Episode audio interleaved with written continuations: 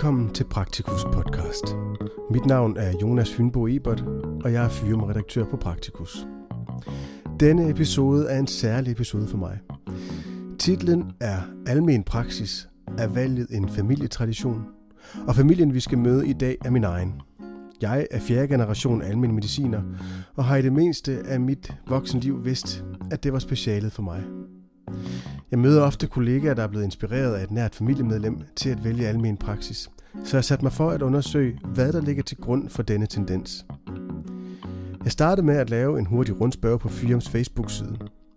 Det viste sig, at 18% af de knap 340 besvarelser, svarende til 60 personer, var i familie med en læge. Ud af de 60 personer svarede 75 procent af deres familiemedlem var uddannet i almen praksis, og i langt de fleste tilfælde var familiemedlemmet en forælder eller en bedsteforælder. Jeg besluttede mig for at dykke ned i min egen familiehistorie for at finde en mulig forklaring på, hvorfor flere generationer af familien Fynbo har valgt livet som praktiserende læge. Samtaler med min bedstefar Claus Fynbo og min mor Anne Fynbo hjalp mig lidt nærmere et svar. Ja, Claus Fynbo, 81,5 år og pensioneret læge på 14-15 år og har siddet i Skjern som praktiserende læge siden 1968 til 2005. Jeg er uddannet fra Universitetet i Aarhus i 1965. Så var jeg på forskellige sygehus og havde min militærtjeneste. Jeg var to år på sygehus i Jørgen, en rotationsstilling, som det hed. Og så var jeg inde ved militæret i en tre måneder underlægeskole, og så var jeg otte måneder godt og vel i øh, Silkeborg, og så i 1968 i juli måned begyndte jeg her i Skjern. Jeg hedder Anne Fynbo og er læge fra Aarhus Universitet i 1996 begyndte i 1987, fik nogle børn undervejs, så derfor tog det ni år, inden jeg var færdig. Ja.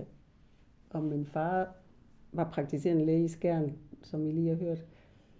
Og jeg tænkte egentlig, da jeg læste medicin, jeg skulle i hvert fald ikke også være praktiserende læge, fordi det var der så mange i vores familie, der var. Så jeg måtte kunne finde på noget mere originalt. Og, og da jeg var på sygehuset, synes jeg, at kardiologi var spændende. Jeg var på Vejle sygehus blandt andet, og synes, at det kunne også være et spændende speciale.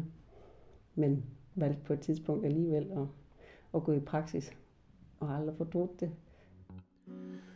Da Claus blev færdiguddannet i 1965, var der ikke noget, der hed speciallægeuddannelse i almen medicin. Men man skulle trods alt stadig købe en praksis for at kunne nedsætte sig som praktiserende læge.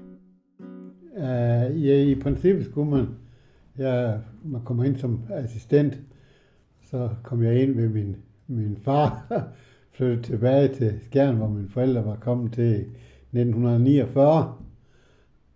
Og jeg har så gået, boet her fra 49 til at være færdig i gymnasiet i Term i 1957. Så jeg, i realiteten var jeg så hjemmefra i, i 11 år, inden jeg, jeg levede resten af min tid her i Skjern.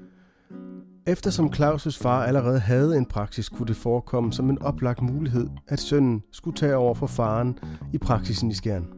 Men gav det sig selv, at han skulle tage over?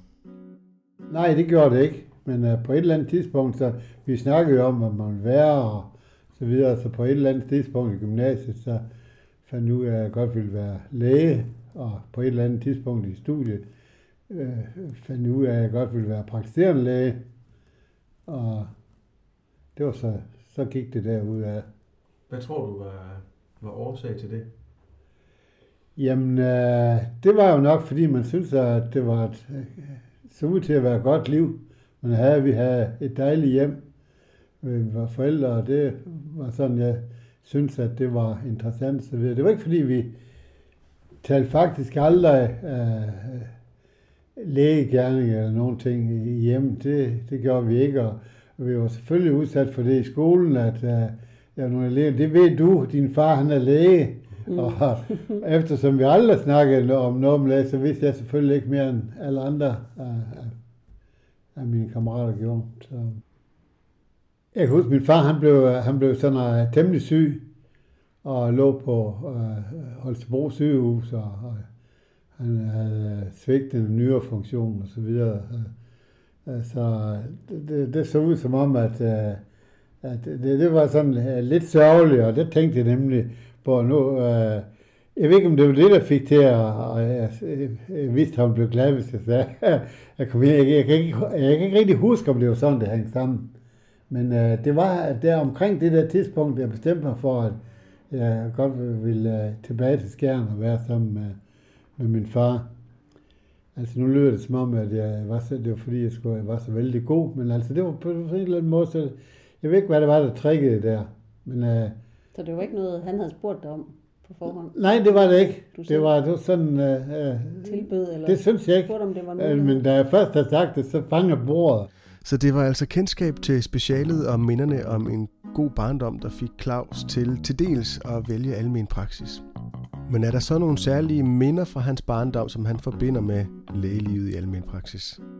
aldrig med din far på sygebesøg, ligesom? Jo, men ikke ret mere. Jeg var køresyg og kunne ikke tåle at køre bil. Altså, jeg skulle kaste op, så når jeg kørte en, en lille halv kilometer, så skulle jeg ud. Og ellers så skulle jeg have nogle uh, søsygetabletter, Kofinautin hed det. Og det var sådan set lidt ubehageligt at tage, fordi uh, uh, man knæver og løs den første halve time. Det var koffeinen, der virkede der. Og så derefter, så blev man enormt søvnig.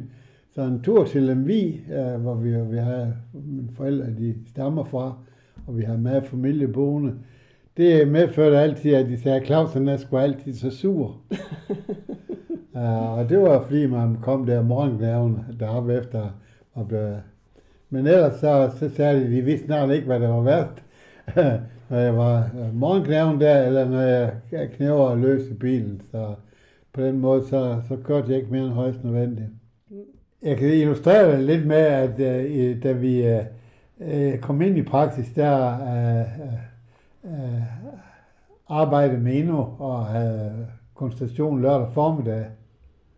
Og det var jo øh, fantastisk, øh, det der at kunne, øh, så vi ved at være færdige ved, ved et, halv to tiden om, om, øh, om lørdagen, og der kunne vi sidde ude i haven inde ved siden af, under min fars og mors øh, kastanjetræ, og så sagde min far altså,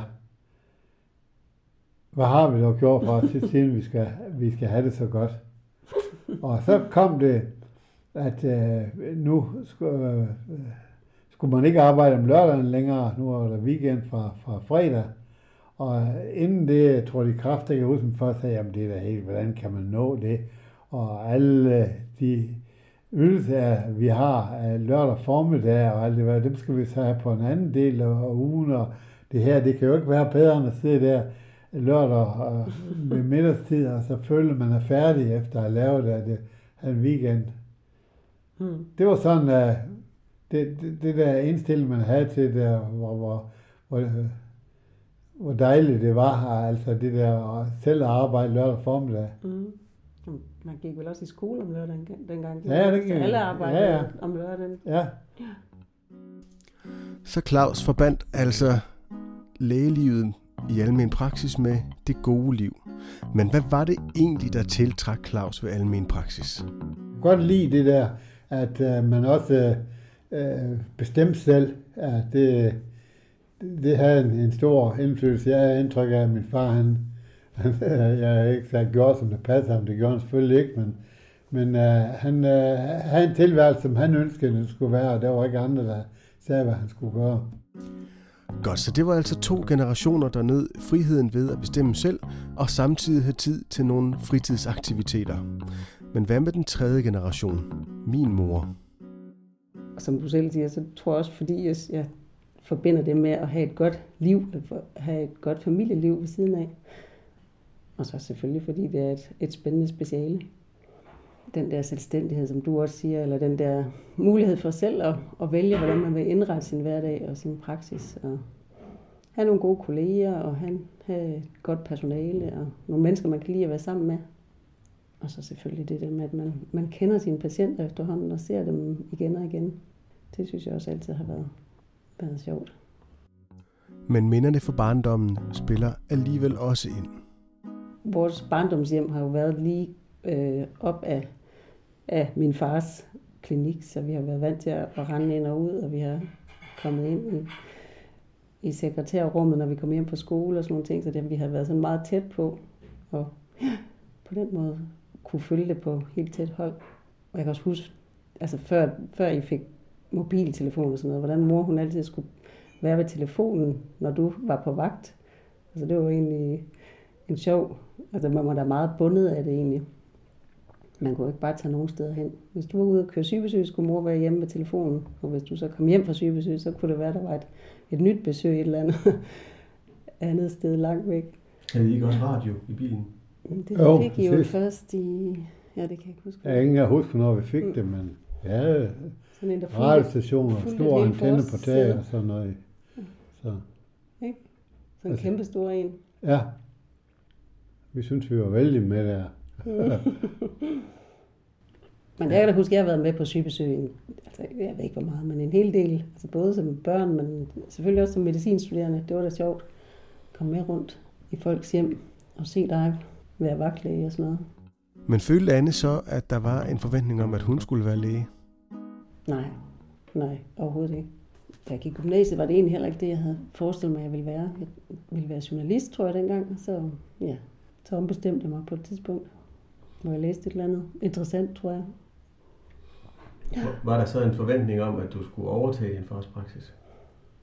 Nej, det synes jeg aldrig, der har sådan været. Der har aldrig været noget pres eller i den retning. Det har der ikke. Det ved jeg ikke. Har du, har du nogensinde tænkt, at det kunne være... Nej, det har jeg ikke været tænkt at i forvejen. Det vil nogen der ikke. Så det, det har jeg ikke. Som Anne nævnte tidligere, så har hun været forbi både kardiologi og pædiatri, inden hun øh, valgte almen medicin i specialet. Men følte hun så, at hun gik på kompromis, da hun valgte almen praksis? Nej, fordi jeg, da, som sagt, da jeg så valgte, at det var almen medicin, jeg ville, ville forfølge, så, så har jeg aldrig fortrudt det. Så, og fra det øjeblik, jeg ikke længere var på sygehuset, så jeg heller aldrig savnet at være på et sygehus. Jeg synes, det har været det, er rigtigt, det rigtige valg. Det handler jo meget om de mennesker også, man kommer til at arbejde sammen med. Altså nogen, der inspirerer en til at gå en vej, og, ja, og som man så har et godt fællesskab med. Jeg synes, det er sjovt det der med, at man møder, jeg har tit mødt læger på sygehuset, som, som har sagt, at de vil ikke anbefale deres egne børn at blive læger. Og dem, der har jeg tænkt, det må være fordi, de har synes, det har været for hårdt et liv, eller, men sådan har jeg ikke mødt praktiserende læger, der har, der har sagt. Det er også lidt tankevækkende. Men måske er det fordi, man, man øh, har et bedre liv som praktiserende Det hænger bedre sammen med familieliv. Og sådan har jeg i hvert fald aldrig haft, at jeg, at jeg ville sige til mine børn, at jeg synes ikke, I skal vælge at blive læger, fordi det er simpelthen for hårdt, eller det er for... Anne nævner altså kontinuerligt patientforløb og gode, inspirerende kollegaer som udslagsgivende for valget af almen praksis. At lære af og blive inspireret af dygtige kollegaer er en af grundstenene i den lægelige videreuddannelse i alle specialer. Claus husker tilbage på den lokale lægesammenslutning, hvor man kunne blive inspireret, men husker også en særlig lektie fra sin far. Jamen det var, vi havde sådan en uh, lokal lægeforening, hvor man, man havde nogle møder, der var nogen, der kom og holdt uh, foredrag og så, og så videre. Så det, dem fulgte med til, at jeg var også på kurser. nogle af dem var, var jo sådan en lille uges tid så Uh, og det, det synes jeg, det var udmærket, og jeg kunne, det jeg kunne vældig godt lide. Uh, uh, sådan, men jeg hele tiden synes, at jeg, jeg vil ikke til mere og rejse til mere og, og uddanne mig mere, end jeg, kan, jeg har energi til at bruge det, jeg lærer. Var der noget, der hed supervision dengang? Det kan man ikke sige. Jeg ikke, nej, jeg kan ikke huske, at jeg nogensinde har kaldt ham ind, og han skulle sådan uh, second opinion. Det tror, det tror jeg simpelthen, at jeg var for, for dumstolt til. Ved, ved, Men I snakkede vel sådan lidt om patienterne? Det gjorde vi da. Efter, vi snakkede om patienterne. Om dagen, sådan, eller ja. eftermiddagen. Sådan noget. Ja. Det var sjovt nok, at han sagde, du skal aldrig indrømme en fejl. det sagde han. Ja, det, det var meget overrasket over, at tænkte over, hvad han egentlig mente med det. Altså, så, men det var ment han vel over for patienten. Altså det var på den der tid, hvor, hvor lægen endnu havde lidt autoritet. Ja, endnu, det, det, så sagde han det der, det skulle man ikke. Fordi altså, selvfølgelig gør man fejl, men øh, øh, der er ingen grund til at give patienten med indtryk af, at man laver flere fejl end alle mulige andre. Jeg selv har haft en naturlig interesse for almindelig medicin, lige siden jeg startede på medicinstudiet i 2006. Jeg fattede hurtig interesse for stort set alle interne medicinske specialer og nød at blive udfordret af de mange forskellige problemstillinger, man kunne møde i almen praksis, hvor et bredt kendskab til flere medicinske specialer er en fordel. Det afgørende for mit valg af specialet var et ønske om at have tæt kontakt med patienterne. Min erfaring fra sygehusene er, at man bruger relativt mere tid på dokumentation, praktiske opgaver og konferencer. Der er mere reel patientkontakt i almen praksis. Det Nationale Forsknings- og Analysecenter for Velfærd, VIVE, udgav i 2013 en rapport, som fastslår, at forudgående kendskab til specialet gennem familie og venner, et studiejob, klinisk ophold eller en lægefaglig rollemodel har stor betydning for et senere valg af speciale. For mit vedkommende var valget let. Jeg voksede op i almen praksis, og jeg vidste, hvad det indebar. Det samme har sådan set galt for min bedste far og min mor. Og når Claus tænker tilbage på sit lægeliv, så skinner det også igennem, at hans arbejde som praktiserende læge har bidraget til, at han selv synes, at han har haft et godt liv. Hvis jeg skal sige det, sådan når man tænker tilbage på, om man nu uh, hvor, hvor tilfreds man har været med sit liv som læge, hvis uh, vi skal ind på det, så uh, er det sådan, øh, til, til og fra, han har sagt. Ikke? Jeg har, øh, må jo sådan erkende, at man øh, øh, øh nøgternt set, så nok ikke være verdens bedste læge, men øh, måske den næstbedste. Nej, men øh, øh, jeg synes, jeg vil sådan være en herlig god læge, og det har jeg været helt godt tilfreds med, men øh, jeg har også prioriteret det meget, at jeg synes, at jeg, om jeg havde et godt liv. Altså for eksempel det der med at uddanne sig. Jeg har altid synes, at det var fint at følge med og uddanne sig videre. Men det var ikke noget der uddanne sig så, meget, så man overhovedet ikke havde energi til at, at udnytte det, man havde lært. Sådan, så jeg mente, at det betød meget, at man havde sin fritid og man, sine interesser ved siden af, at man kunne. Og så på den måde, øh, så, så, så har jeg haft et godt liv, og så har jeg været så heldig at få en god kone. Øh, selvfølgelig ikke ren held, det har også været god portion charme. Øh, men øh, en god kone, og så har jeg fået nogle fantastisk dejlige børn. Også, og det har gjort, så når jeg tænker tilbage, så er det simpelthen, så, så, så synes jeg, det, det har været et godt liv. Så hvorfor er specialet almen medicin gået i arv i familien Fynbo? Anne og Claus kommer her med deres afsluttende bud. Altså, vi kan jo hver især kun tale for os selv med hensyn til, hvordan vi har, vi har valgt, og det er så det, vi har fortalt nu. Mm. Altså, vi synes, at det var, jeg synes, det var et godt hjem, ja, øh, mit barndomshjem. Og, og det er jeg forbundet øh, Altså selve det, at mine forældre de var hjemme og, og arbejdede derfra. Og det, det ja, tror det jeg... Var jo sådan i den grad integreret i, i hverdagen, at, ja. at I havde jeres, man synes, at det arbejdsplads var, i. Det var, en, det var en dejlig... Som en del ja. af huset, vi boede i. Ja. ja. Så på den måde var I tæt på altid. Ja, det har jeg også tænkt, at det var, det var dejligt trygt, og mine forældre var altid i nærheden. Men sådan, altså mit praksisliv har jo ikke været magen til, fordi sådan, vi, vi bor jo ikke samme sted, som vi arbejder, men, men bare det, at man synes, det har været et dejligt liv, at ja. det var dejligt lægeliv, og så har jeg jo altid tænkt, at, at du var glad for dit arbejde, og du, ja, det virkede som om, at det var, det var, at det var et dejligt arbejde.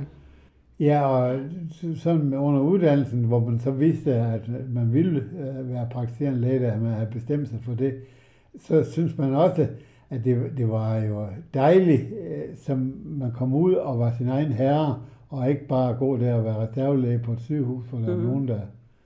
Altid. Jeg ved ikke, hvor højt op man skulle være på strå, før man fik lov til at... Mm. Hvordan, øh, det, man, man så ikke i ånden, at man kunne blive det sådan inden for øh, en tid, hvor man endnu var ung i hvert fald. Det er også det sjovt, det der med netop at have sin egen virksomhed, at man kan, kan være med til at at få det til at gå i en retning, altså at man uddanner sit personale til at hjælpe sig med de ting, man synes er ja man gerne vil have hjælp til og sådan noget. Altså, at, at man så er nogle kolleger, der kan blive enige om, hvordan det er, er smart at arbejde i, i hverdagen. Og på en måde, som er, er god for, eller fungerer godt for alle. En ting, som jeg synes, der er gået lidt i arv, det er for eksempel, at min mor var uddannet ved, ved postvæsenet, og kom ind og hjalp min far og blev uh, uddannet som lægesekretær i praksis der. Og Kirsten, hun er min kone, øh, var uddannet som øh, bankassistent, og hun, på samme måde kom hun ind og blev uddannet som lægesekretær her, og vi øh, havde det hele sammen, og mm. det var i hvert fald en stor glæde. I min familie var det ønsket om at få karrieren til at spille sammen med familien, og så en viden om, at lægelivet i almen praksis skal selvbestemmelse og frihed, der gjorde, at vi valgte det almindelige medicinske speciale. Specialet er gået i arv gennem flere generationer, og jeg er ikke i tvivl om, at de gode forbilleder, vi har haft i vores familiemedlemmer, har spillet en afgørende rolle. Selvom det er oplagt at lade sig inspirere af sine nærmeste, behøver valget af speciale ikke at bero alene på en familietradition. Mange klinikker i almen praksis vælger i dag at ansætte medicinstuderende til administrative opgaver eller simple lægefaglige opgaver som blodprøvetagning eller EKG. Jeg tror, at netop denne tendens kan få stor betydning for de kommende årgange specialevalg. Gode klinikophold, inspirerende tutorlæger og et åbent fagligt miljø vil påvirke rekrutteringen til vores fag i positiv retning. Det var alt for Praktikus podcast i denne omgang. Ris og ros modtages som altid på praktikuspodcast Musikken til denne podcast er lavet af Andreas Kæmpe.